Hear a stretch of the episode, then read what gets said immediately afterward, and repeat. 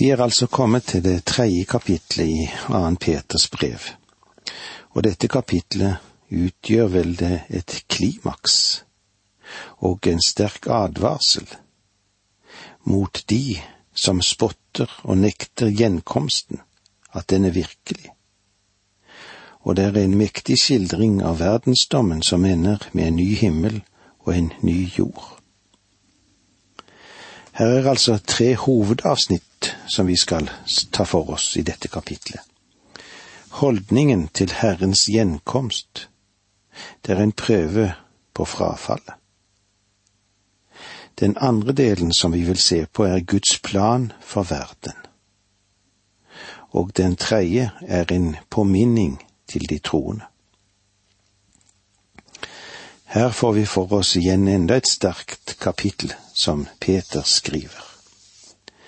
Holdningene til Herrens gjenkomst er en prøve på de frafalne.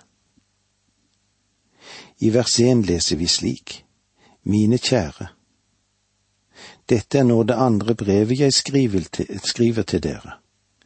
Med disse brevene vil jeg nå vekke dere opp så dere fortsatt kan ha den rette, oppriktige innstilling jeg vil minne dere om. Simon Peter understreker her at han har skrevet begge brevene. Med disse brevene vil jeg vekke dere opp. Eller kanskje vi kan si det mer populært på denne måten. Jeg vil kalle dere til sans og samling. Her merker du at Peter har en klar målsetting for brevene sine. De troende han skrev til, var begynt å bli støvsamlere. Det vil si at de hadde slått seg til ro med den situasjonen som de var kommet opp i. Og tingene, de var ikke bra. Peter kaller det nå tilbake til en våken og engasjert innstilling. Peter sier, Jeg vil minne dere om. Dette er ikke noe nytt han skal tale til dem om. Han vil bare minne dem om det de burde vite, og eh, det som de holdt på med, og det de praktiserte. En kar sa dette fornøyelig en gang. Jeg har et meget godt minne. Mitt problem er at glemsomheten er så mye, mye større. Vel, vel. Mange av oss har vel kanskje det samme problemet. Og Simon Peter kunne også fortelle det samme fra sin egen erfaring. Den natten da han fornektet vår Herre mens han var et sted og varmet hendene sine over fiendens ild, så hadde han glemt alt det den Herre Jesus hadde sagt om at, det, at han skulle fornekte ham. Og i Bibelen står det slik. Da vendte Herren seg og så på Peter. Og Peter husket det Herren hadde sagt til ham. Før hanen galer i natt skal du fornekte meg tre ganger, som det står i Lukas 22. Peter, han hadde glemt alt dette, ser du. Han hadde de samme skrøpelighetene som vi har. Så nå ønsker han å vekke våre sinn og tanker gjennom det at vi minnes det som allerede er sagt. Og hva er det nå han vil at vi skal huske på? Vers to.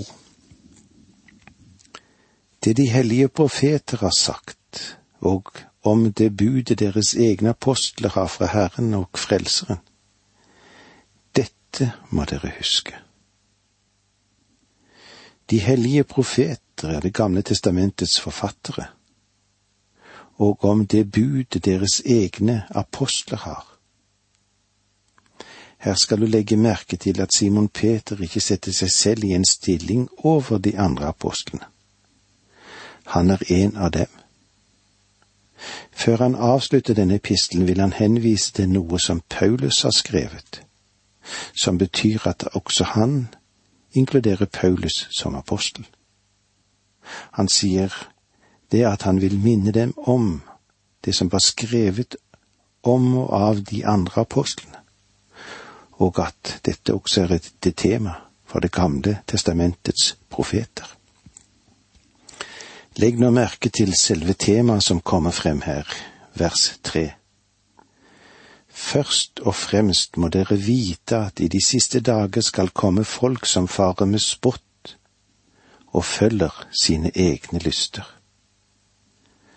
Først og fremst, det vil si dette var noe de i særlig grad måtte være oppmerksomme på. I de siste dager, det er de dager som du og jeg lever i nå og de vil fortsette frem til den store trengselsperioden og den tid når menigheten rykkes bort. Spottere, det er de frafalne, som han har beskrevet så levende i kapittel to. Disse spottere vil være medlemmer i menigheten, og mange, mange, mange bærer stort ansvar men som likevel vil følge sine egne lyster. Deres dypeste lengsel er egentlig ikke å prøve å følge Guds ord. Og det er blant annet slike mennesker som angriper Bibelens sannheter og reduserer autoriteten i det åpenbarte ord. Om et menneske er villig til å gi avkall på sin synd og villig til å ta imot Kristus, da vil Gud gjøre sitt ord levende for en slik. Paulus, når han skriver i 2. Korinterbrev 3, så sier han at et slør er trukket for deres øyne. Men om deres hjerter vil vende seg til Gud, så vil sløret bli tatt bort. Deres problem er ikke av intellektuell karakter, deres problem, det er et hjerteproblem. Og derfor løfter de frem falske argumenter. Vers fire i kapittel tre. Hånlig, sier de. Hva med løftet om hans gjenkomst? Våre fedre er døde, men alt er som det har vært fra skapelsen av. Hva med løftet om hans gjenkomst. Med andre ord vil de si omtrent slik. Dere er noen fantaster. Dette har de sagt i årevis, at den Herre Jesus skal komme tilbake og hente sin menighet ut av verden. Og etter en trengselsperiode skal han komme til jord og opprette sitt rike. Vel, hvor er han? Hvorfor har han ikke kommet? og de snakker hånlig om dette. Kristi andre komme vil bli fornektet. Ikke bare av ateisten, men vil også bli fornektet av dem som står sentralt i menighetens liv og påstår at de er sanne troende. Hva skrev nå de gamle profetene om dette i Det gamle testamentet? De skrev om Kristi komme til jord for å opprette sitt rike. Hva skrev Det nye testamentets apostler om? De skrev om Kristi komme for å hente sin menighet ut av verden, og så, etter den store trengsel, vil han opprette sitt rike på jorden. Du skal legge merke til at Det gamle testamentets profeter ikke skrev om menigheten. Det gjorde ingen av dem. De skrev bare om hans komme til jord for å opprette sitt rike. Det var den Herre Jesus selv som først åpenbarte at han ville komme for å hente sine egne. Han sa det slik som det står i Johannes 14. For jeg går for å gjøre i stand et sted for dere. Og når jeg har gått bort og har gjort i stand et sted for dere, vil jeg komme tilbake og ta dere til meg, så dere skal være der jeg er. Dette står i Johannes 14, 2-3. Det sted han skulle forberede, var ikke her nede. Det var ikke på den andre siden av Oljeberget. For Herre Jesus dro tilbake til himmelen, og det er der han forbereder et sted for oss, og han har lovet å komme tilbake for å hente oss. I første Tessalonikerbrev 4,17 sies det at vi skal møte ham i skyen. Og eh, la oss ta med dette verset til slutt i dag. Deretter skal vi, kom, vi som er blitt tilbake og fremdeles lever, sammen med dem bli rykket opp i skyene, i luften for å møte Herren. Og så skal vi være sammen med Herren for alltid. Og la oss ta med trøst av hverandre med disse ord. Må så Guds nåde og fred være med deg. Dette undervisningsprogrammet består av to deler.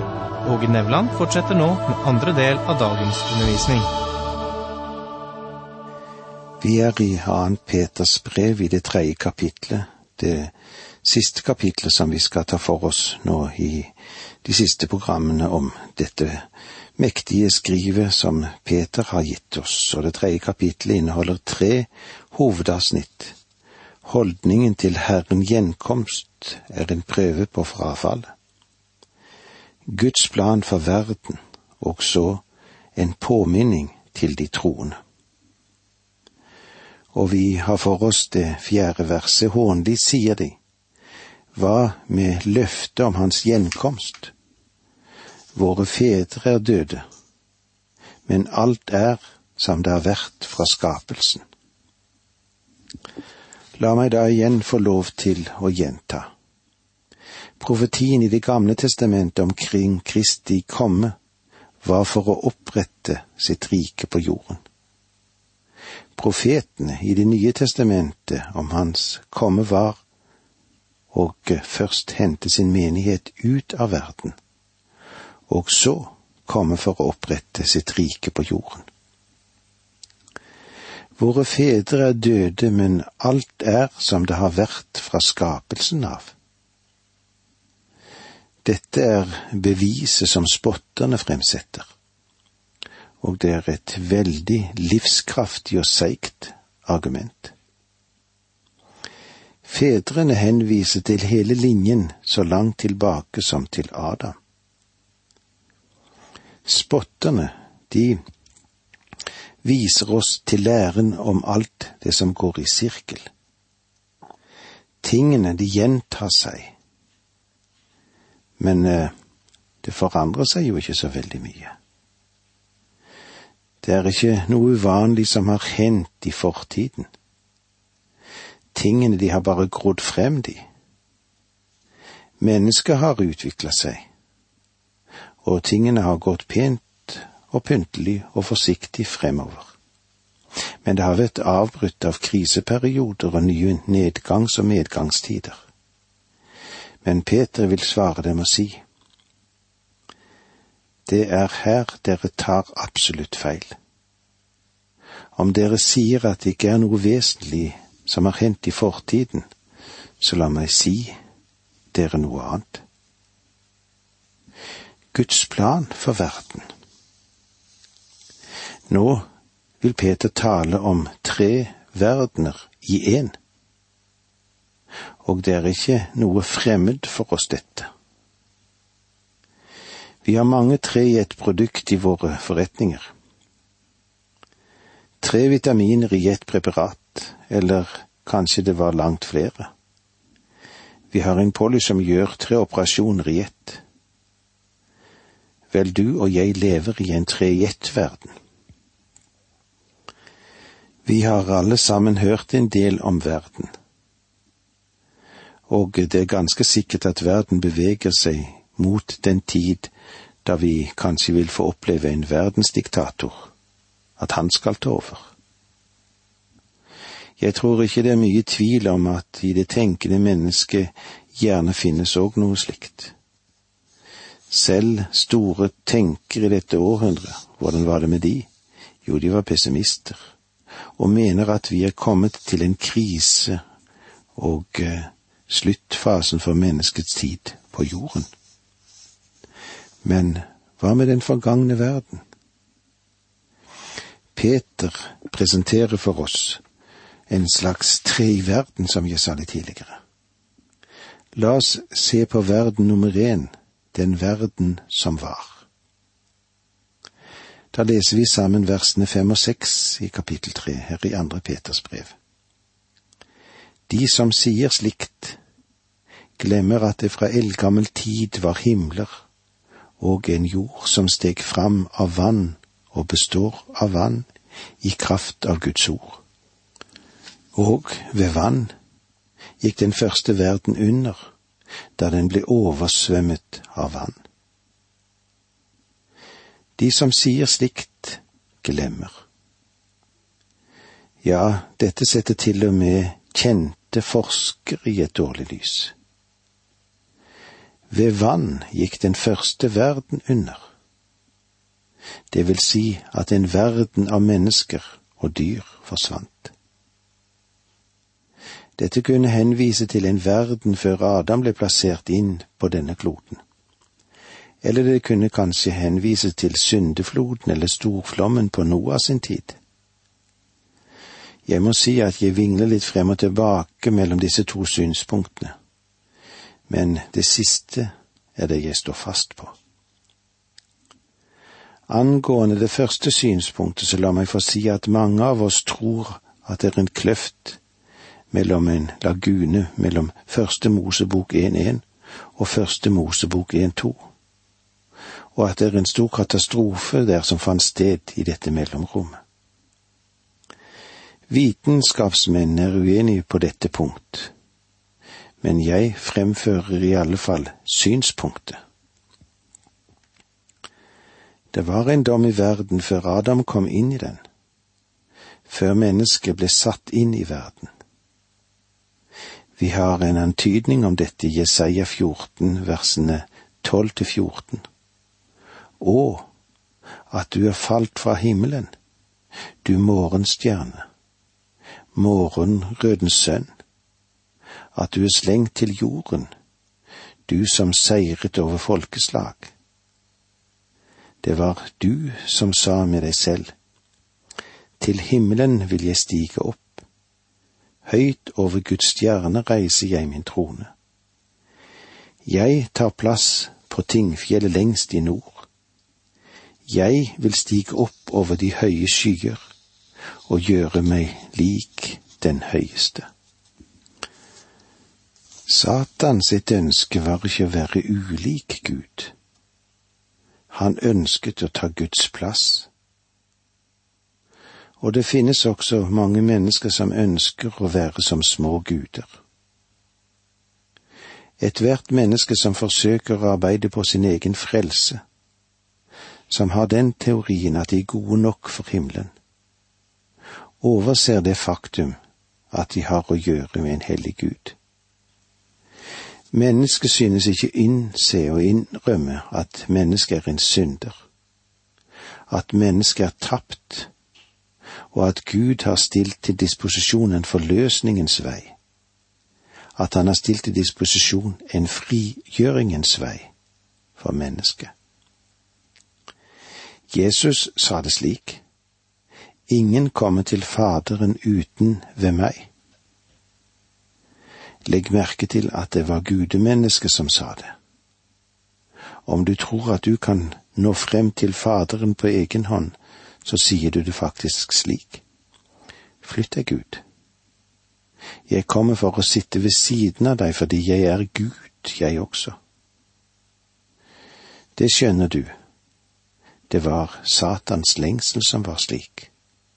Og det var årsaken til en dom som åpenbart ga en utrenskning i himmelen av en gruppe engler som hadde slått seg sammen med Satan. Lucifer, morgenrødens sønn. Den andre muligheten er at Peter taler om storflommen, syndefloden, som fant sted på Noah sin tid. Flere fremstående bibeltolkere kan kanskje komme med den dom at de tror at det var det Peter hadde i tankene. De fleste er av den oppfatning at det henviser til syndefloden på Noah sin tid, og eh, det er ganske sikkert også den tanken som vi finner her hos Peter. Sivilisasjonen som hersket før syndfloden, ble ødelagt av en flodbølge.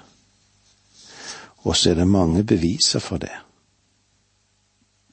Den store vertikale stollen som er gravd der det gamle Ur i Kaldea lå, viser at flere sivilisasjoner har gått til grunne. I utgravningene kom arkeologene til et tykt belte av sand og grus uten merker av menneskelig bosetting som var avsatt gjennom en stor flodbølge. Men under dette igjen fant de restene av en meget høytstående sivilisasjon.